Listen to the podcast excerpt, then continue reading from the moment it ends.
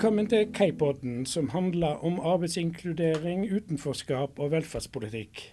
Bakgrunnen er at om lag 20% av alle i yrkesaktig alder, altså de under 66 år, er uten arbeid. Noen i korte overgangsperioder, andre i lengre tid. Det å ikke være i arbeid eller utdanning og leve på offentlig stønad blir tidvis omtalt som utenforskap. Og Det politiske målet det er å få flere av disse i arbeid, samtidig som de har rett til en offentlig stønad. Å balansere retten til stønad med ønsket om å få disse i arbeid, kan være krevende. Og det er mer enn 20 000 personer i Norge som arbeider med å få disse i arbeid, eller sikre økonomien deres. Det er jeg, Lars Inge Terum, som er vert i Kaipodden.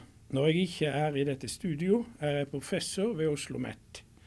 Forkortinga KEI viser til Kompetansesenter for arbeidsinkludering, og har sete her på Oslo MET.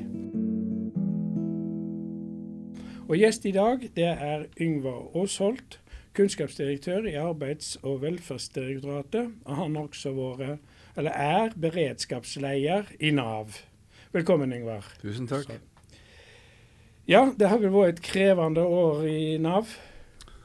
Det har vært noe som uh, vi aldri har vært borti før. Det er helt sikkert. Uh, helt andre oppgaver, uh, men samtidig uhyre viktig for mange.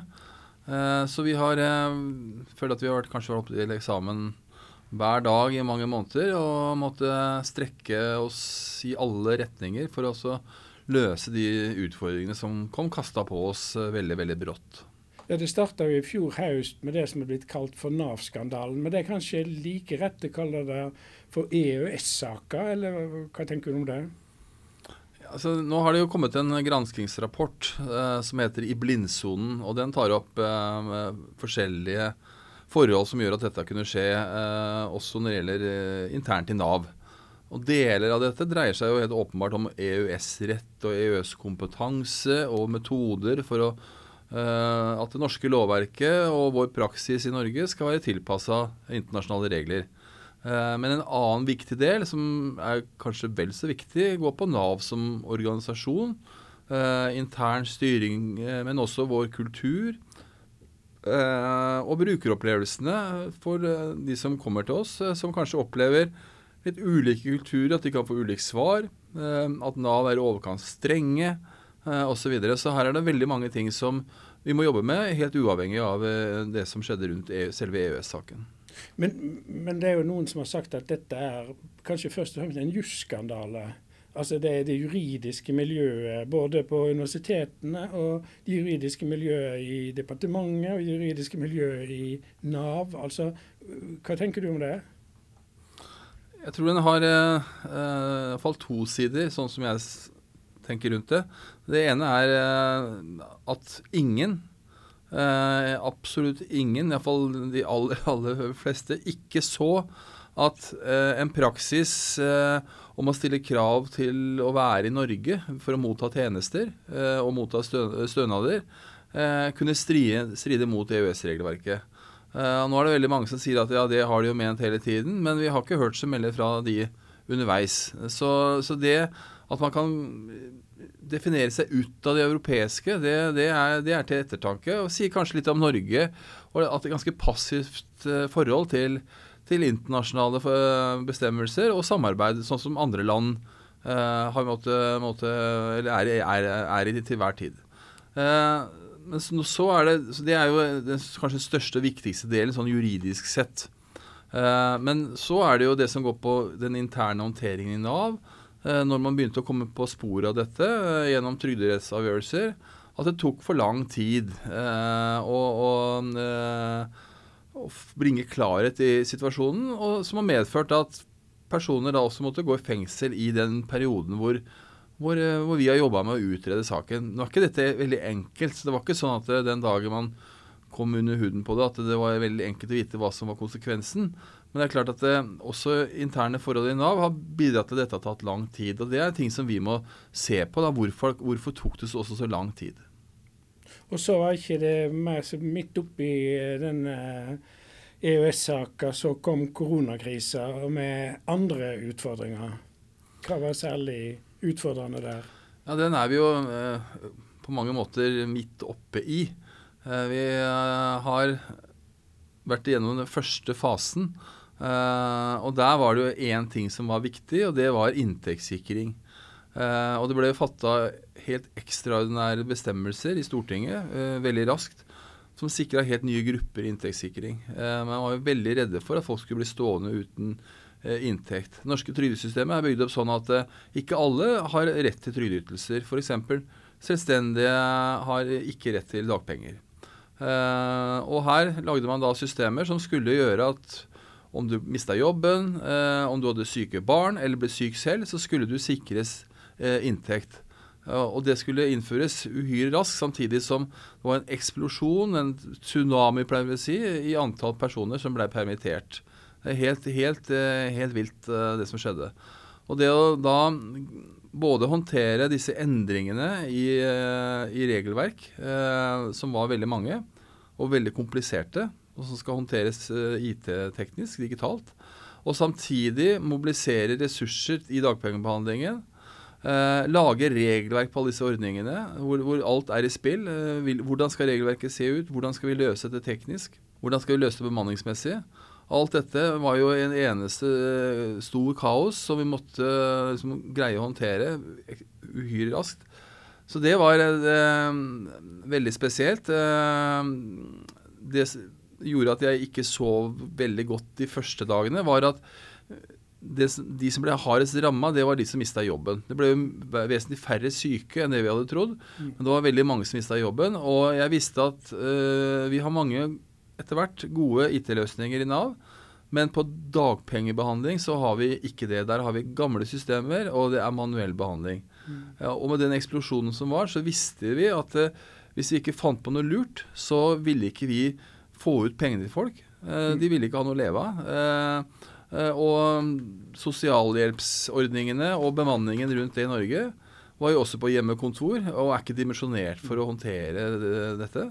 Så det, det, var, det, var, stressende midt oppi det hele. Så, så det, de fikk en kombinasjon. Dere fikk en vanvittig oppdrag dere skulle løse. Samtidig var dere ramma av koronakrisa ved at de som jobber sentralt i Arbeids- og velferdsdirektoratet, også hadde hjemmekontor? Ja, vi, vi, om, der, om, vi ble ramma vi, vi, ble vel eh, Vi fikk andre rammebetingelser, iallfall. Altså det som Det som jeg uh, syns er veldig sånn uh, artig å se på nå, det er at uh, apparatet fungerte jo Altså, vi fikk 15 000 personer på hjemmekontor over natta. Altså Fra den ene dagen til den andre så satt 15 000 hjemme. Og produksjonen har ikke falt. Tvert imot så har produksjonen økt. Uh, og vi jobba veldig mange, nærmest døgnkontinuerlig, sju dager i uka. Like effektivt, eller kanskje enda mer effektivt, fra hjemmekontor. de som ble rekruttert inn til å jobbe med dagpenger, ble rekruttert inn via videomøter og fikk opplæring på hjemmekontor. Og så gikk de i produksjon hjemme. Det, det, det trodde ikke jeg skulle være mulig. Så vi, vi, håndterte det. Mange Nav-kontor stengte ned fysisk, men Nav-kontoret var jo oppe allikevel. Eh, så de som tror at alt må være fysisk på Nav-kontor, fikk jo nå se at eh, veldig mye kan jo gå bra, selv om det ikke er folk til stede. Ja. Vi har nå innledningsvis snakka litt om den ene søyla i Nav, eller ene hovedoppgaven til Nav, nemlig at de skal sikre den enkelte rett til inntekt ut fra et omfattende og komplisert lovverk. Eh, men den andre hovedoppgaven til Nav det er å medvirke til at så mange som mulig skal kunne forsørge seg gjennom eget arbeid. Og På stammespråket så kaller vi dette for arbeidsinkludering. Hva legger du i det? Jeg legger i det at uh vi har litt ulike typer ledighet. Vi har alle de som uh, for en kort periode mister jobben, og som, uh, men hvor etterspørselen etter akkurat den type kompetanse den fins. Både yrkesmessig, hva man har av yrke eller utdanning, og geografisk så passer det også normalt ganske godt. Det er det vi kaller for friksjonsledighet. Det er alltid noen som vil være ledig, og som leter etter andre jobber. De ordner seg sjøl, de er det etterspørsel etter. Den store norske utfordringen er jo alle de som, eh, hvor det ikke er den store etterspørselen etter. Eh, som enten eh, er i ferd med å, muligens falle ut av arbeidsmarkedet, eller som har falt ut av arbeidsmarkedet. Og de høye andelene som du nevnte innledningsvis. og der trenger vi jo helt andre typer virkemidler og en helt annen type innsats hvis disse gruppene skal i jobb. og det er den, de metodene som vi da bruker, og den innsatsen som der ytes, det er det jeg kaller for arbeidsinkludering. Ja, og Hvis vi snakker litt mer om den innsatsen. Eh, eh, har man en eh, relativt god kunnskap om hva slags tiltak som skal settes i verk for disse ulike gruppene som du nevner? Ja, Det er jo et spørsmål som vi kan eh, diskutere ganske lenge. Altså, mine tanker de er at eh, hvis man ser sammenlignet med andre sektorer som, som medisin f.eks., så, så har vi jo mye mindre presis kunnskap. Og det er sannsynligvis heller kanskje ikke mulig å lage så presis kunnskap. Uh, og, det, og, når vi ser på internasjonal forskning generelt rundt mange av de gruppene som, som, som mangler arbeid, så, så, er det jo heller ikke all verden å ta uh, rundt uh, rundt disse langvarige strukturelle problemene som veldig mange står overfor. Når vi skulle se på hvordan vi kan hjelpe fattige familier bryte fattigdomsbåndene f.eks., og vi skulle tenke at da må vi se på hva, hva fins av kunnskap, også utenfor Norge, så fant man jo ikke særlig mye. Så, så, så, dette er ikke et fagfelt som har vært uh, belemra med veldig uh, mye systematisk utprøving uh, til, og, og, forskning. Uh, så sånn sett så så er det mange hvite felter på kartet. Men når det er sagt, så vet vi også mye, mye mer enn vi visste for 10-15 år siden. Og vi får stadig sikrere metoder. Eh, og det ivrer vi jo i Nav for, for veldig at eh, vi skal fortsette å bygge opp. Eh, og den kompetansen som nå er bygd opp, og de metodene vi nå har For en første gang så har vi nå kan si, vitenskapelig funderte metoder med, med klare krav til hvordan ting skal gjøres, eh, og som det er mulig å måle om vi gjør de riktige tingene. Som bygger på, bygger på solid kunnskap, eh, og som er etterprøvd i veldig mange studier. Og det har, vi, det har vi ikke vært i nærheten av på samme måte. Um, og det som jeg syns er kanskje det viktigste som jeg har vært opptatt av lenge, det er at man nok har vært opptatt av Eh, utforming av ulike støttet, sånne, eh, ulike arbeidsmarkedstiltak og vilkårene i de. Mens det vi nå ser på, er mye mer det, eh, den organisatoriske oppsettet, den støtten du får, også på tvers av kanskje ulike sektorer. Uh, og hvor oppfølging av enkeltindivider, måten vi snakker med dem på, men også hva vi utsetter dem for og tør å ta sjansen på, er mye, mye med, med man tenker mye bredere på tilnærmingen. Du mener at man må integrere mye mer av tjenestene fra ulike sektorer? At, at eh, Nav og, og, og, de som jobber med arbeidsinkludering, ikke alene kan løse dette? Ja, altså jeg tror at eh, Hvis du ser på hvordan vi drev arbeidsmarkedspolitikken i gamle dager, så brukte vi ganske mange ressurser, og kanskje flere år, på en sånn opprustning utenfor arbeidsmarkedet. Mm. Og så, når folk var ferdig opprusta og klare, så dytta vi de ut i vannet. Da hadde vi trena på land, og så skulle de ut og svømme. Eh, og så, snudde vi oss, og så vi, gikk vi bakover i køen, og så henta vi neste til opprustning. Og det viste seg jo det at det var jo ikke særlig vellykka eh, for de gruppene som, eh, som da trengte litt ekstra. Hvor veldig mange av de gruppene vi snakker om her, de vil, ikke, de vil falle ut igjen. Det viser all erfaring. Så det å tenke annerledes eh, rundt eh, hvordan man eh, både at man tar, kanskje bruker litt mindre tid på den innledende opprustningen, og heller gjør det i jobbrelaterte omgivelser, og at man har et godt støtteapparat rundt det, tror jeg er veldig viktig. Og For noen så holder det med innsats fra, fra folk som er gode på arbeidsinkludering, som har den kompetansen. Men for mange så er det også behov for eh, bistand fra andre sektorer. Uh, og de fleste som står utenfor arbeidsmarkedet i Norge i dag, de, de har jo en eller annen diagnose. Uh, det er ikke alltid man kanskje trenger behandling, men mange av de har jo behov for å sette i sammenheng med, med, det som medisinsk gjøres, og at det er samordna. Og jeg tror vi kommer til å stå overfor akkurat samme utfordringene nå, når vi går løs på en mye mer tettere samhandling mellom Nav og utdanningsmyndighetene.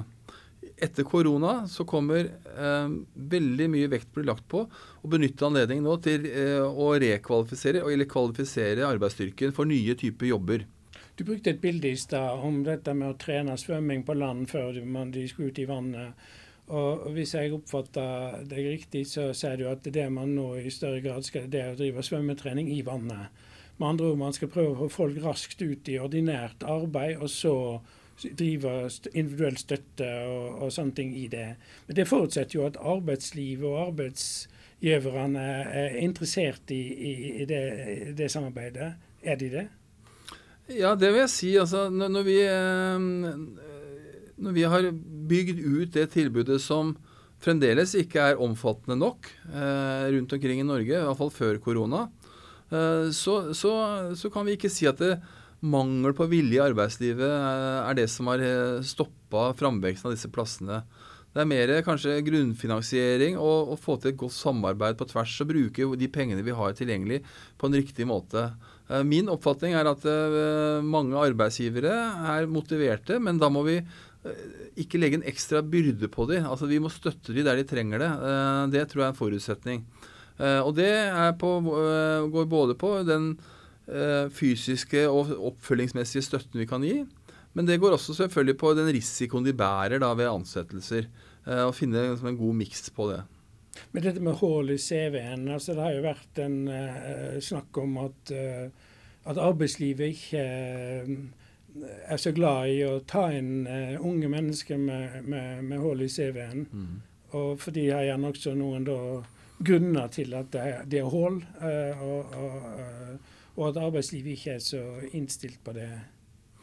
Nei, altså det, det vi, vi, får jo normalt de plassene som vi kanskje trenger, men det som, eh, det som kanskje kjennetegner det norske arbeidsmarkedet og det frafallet vi har, de, hvor folk faller ut og kanskje ikke gjennomfører utdanningsløpene, hvis vi ser på, på, på den gruppa der da, med ungdom, så når vi spør internasjonale kolleger, hvis vi spør toppbyråkrater i OECD, i EU, så peker jo de på den måten f.eks. Tyskland har organisert sitt arbeidsliv, hvor arbeidstakersida tar en mye større ansvar for eh, praksisplasser, eh, fagbrev, eh, hvor mye, mye av utdanningene skjer i virksomhetene. Uh, og Det gjør de jo for at de ønsker fagarbeidere, men også for at de ser at det, det er ikke alle som kanskje passer til å gå de vanlige skoleløpene med, med, med, sånn innretning som vi har i Norge. Og Det har jo vært et ønske i Norge i mange år å prøve å få til at det er, en, at det er et, også et supplement. Det er viktig, og kanskje det tredje bein, fjerde bein i, i systemene våre. Eh, som ikke vi har greid å få til. Noen land har greid å få det til bedre enn oss. Østerrike, Danmark. Uh, og jeg tror at det, der, det skulle jeg ønske at arbeidsgiverne hadde vært mer offensive på, på lærlingeplasser. Det er altfor ofte at man kommer og roper på lærlingplasser uh, eller behov for arbeidskraft. Uh, når man, og ikke har gjort jobben selv da, og, og vært med på dugnaden i forkant. Og så mm. sørge for at man har de folka man trenger. Mm. Og det tror jeg, Hvis man skal løse disse utfordringene, så vil ikke alle utfordringer kunne løses gjennom tradisjonelle utdanningsløp. Det, selv eh, om ti år så vil mange ikke synes at det er interessant, eller ikke finne seg til rette i det. Mm. Um, du sa i stad, hvis jeg oppfatter det riktig, at uh, dette feltet med arbeidsinkludering, det å få folk i arbeid, som står utenfor av ulike grunner, at det, det er ikke et veldig utbygd uh, kunnskapsfelt. Uh, men en del vet den, og en vet mer nå enn for uh, noen år til, tilbake. Og En ting er jo å skaffe fram kunnskap, men noe annet er jo å ta den i bruk ute på, på, på Nav-kontorene. Er det en utfordring? Det er veldig mange ting som er eh, utfordring på dette området. Så, og de, eh, de, skal jeg gå igjennom eh, steg for steg, kanskje. Men eh, det som eh, er eh, samtidig veldig bra, det er at her vet vi hvordan ting skal gjøres. så det er ikke snakk om å finne opp hjulet på nytt. Vi vet hva som skal til. så det, det som det er snakk om, er å skape da eh, finansieringsordninger som gjør at man kan bruke pengene på dette og ikke på andre ting. Eh, det er snakk om å eh, bygge opp et samarbeid eh, mellom sektorer som vi vet hvordan skal gjøres. Det er snakk om å bygge kompetanse hos enkeltmedarbeidere, som vi også vet hvordan skal gjøres, og som vi har begynt å bygge opp også et opplæringstilbud på. Uh, og vi har ulike nivåer på opplæringen, fra uh, det, det, enkle til spesialistmodeller til superspesialister som, som, som, kan overvåke systemene på en god måte.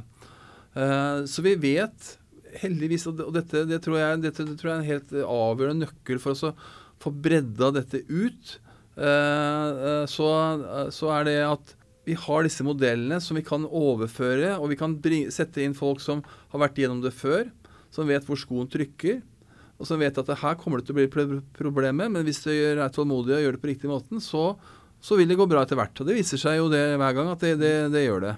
Og så har Stortinget sagt at dere skal skape myndige Nav-kontor. Hva er det Stortinget mener med det?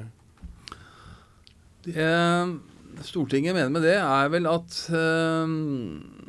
er litt forskjellige typer ting, tror jeg. Det, en av de er at det, uh, de lokale utfordringene i eh, Kommune-Norge, både på arbeidsmarked, helse, utdanning, er, er forskjellige.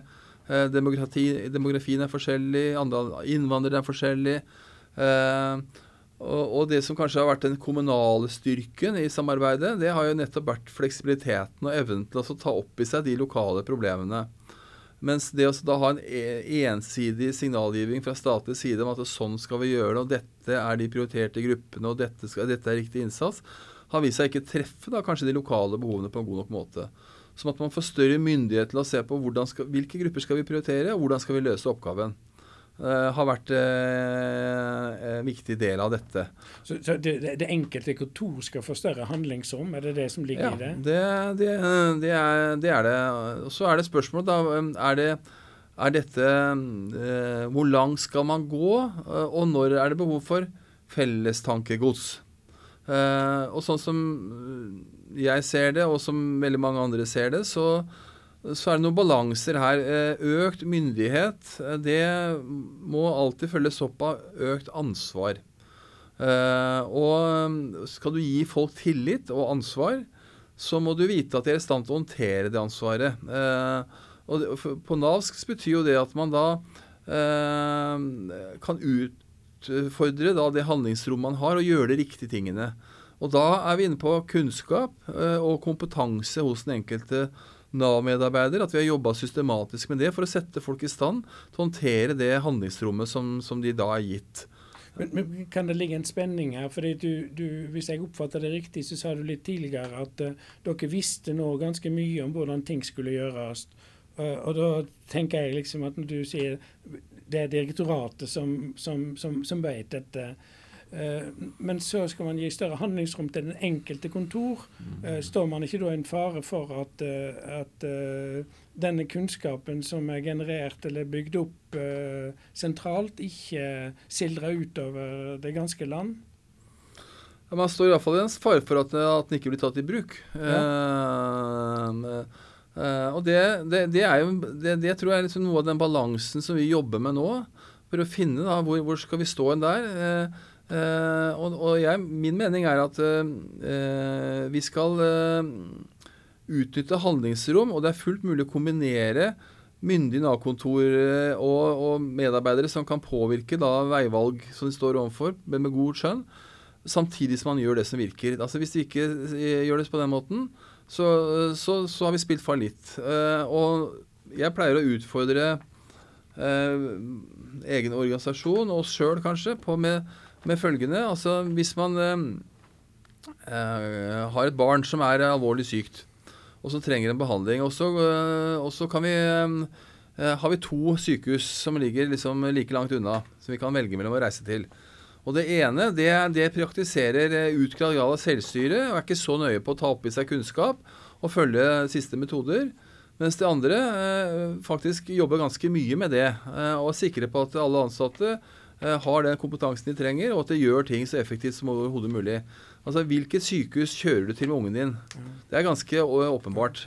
Og Det samme mener jeg folk må tenke rundt Nav-kontor. Parallelt med dette å lage myndige Nav-kontor, så skjer det jo en, eh, ikke minst også som en følge av koronaen, en veldig digitalisering. og i, i, i forbindelse med Nav så kaller man det for kanalstrategi. Altså at man skal prøve å, få, å, å ha kontakt med brukerne på, på litt andre måter.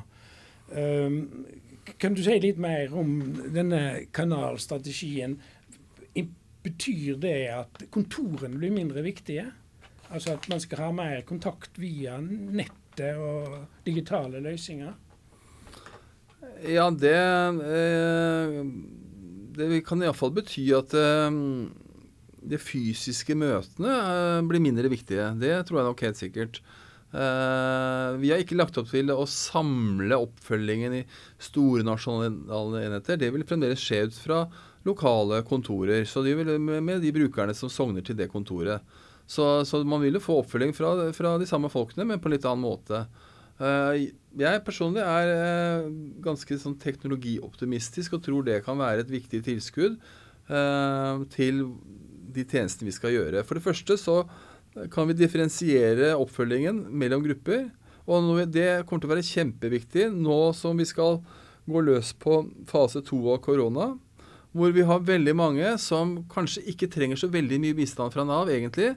Men, men, trenger noe bistand for å holde seg i gang, for å søke arbeid, for å få råd om hvordan man skal skaffe seg en ny jobb, og hva som er viktig. Og hva man kanskje bør ta utdanning ved siden av nå. Uh, og så gjelder det at de ikke da fortrenger innsatsen mot de som virkelig trenger det, som vi, som vi hovedsakelig skal bruke tida vår på. Og det å kunne tilby digitale tjenester der, det er bare ett eksempel på at da kanskje vi kan greie å kombinere uh, og nå begge grupper allikevel. Og Det betyr på en måte at uh, når en person har bruk for en tjeneste eller en ytelse fra Nav, så vil de i en del ledd framover kommunisere digitalt med Nav og på et eller annet tidspunkt så kan de komme i kontakt med en veileder eller saksbehandler. Er det slik å forstå? Altså at, eh, at eh, det er roboter og uh, maskiner i prinsippet man skal være i kontakt med i, første fasen? Det, altså det, kan, det, det, kan, det være. Det, kan det være. Uh, helt uh, sånn, sånn spørsmål man har, og etter hvert også Nå er det ikke det, men etter hvert så kan også noe av oppfølgingen skje via at man uh, egentlig snakker med en datamaskin eller får råd derfra. Mm.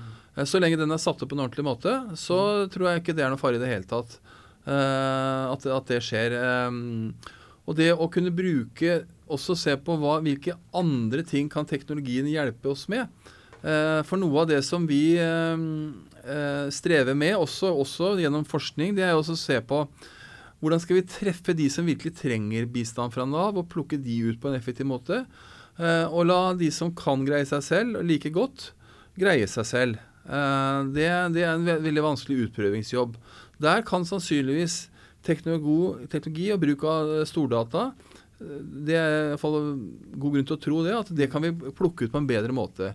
Vi kan gi mye mer tilpassa råd mm. gjennom bruk av teknologi, for at vi kan se personer som har noe av det samme kjennetegn. altså Er det på en strømmetjeneste, får du råd om musikk. De stemmer mm. veldig ofte med din egen musikksmak fordi at de har avanserte algoritmer bak som plukker ut den musikken.